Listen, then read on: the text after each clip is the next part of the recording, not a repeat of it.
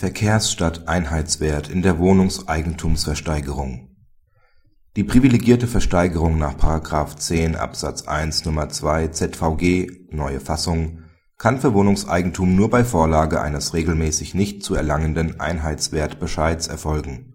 Nunmehr schlägt der BgH einen neuen, weiteren Ausweg vor. In einem dem BgH vorliegenden Fall soll Sondereigentum versteigert werden der Verkehrswert wird mit 54.000 Euro festgesetzt.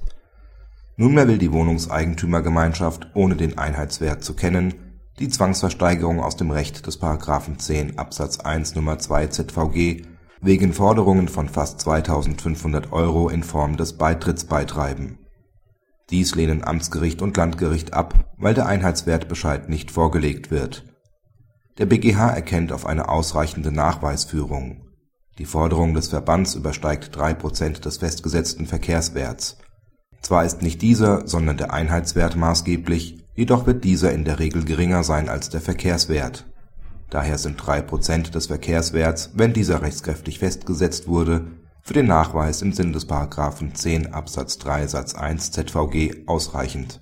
Diese Orientierung wird auch dem Zweck der Regelung gerecht da mit ihr nur vermieden werden soll, dass eine Versteigerung zu Bedingungen erfolgt, die ein Eigentumsentziehungsverfahren nicht rechtfertigen. Zudem stellt auch das ZVG, was der Gesetzgeber für das WEG nicht übernommen hat, seit 1953 auf den Verkehrs und nicht auf den Einheitswert ab. Praxishinweis Der Senat will mit der Entscheidung einen Weg aufzeigen die in seiner bisherigen Rechtsprechung beschriebene, vielfach abgelehnte Möglichkeit des Nachweises des Einheitswerts über § 54 GKG zu erreichen. Das Risiko, dass der Einheitswert einmal über dem Verkehrswert liegt, umgeht er mit der Forderung, dass die Festsetzung rechtskräftig sein muss. Das Vorgehen ist insofern merkwürdig, als beim vorliegend gegebenen Verfahrensstand auch eine Anmeldung der Forderung nach § 45 Absatz 3 ZVG ohne Nachweis der Höhe des Einheitswerts möglich gewesen wäre.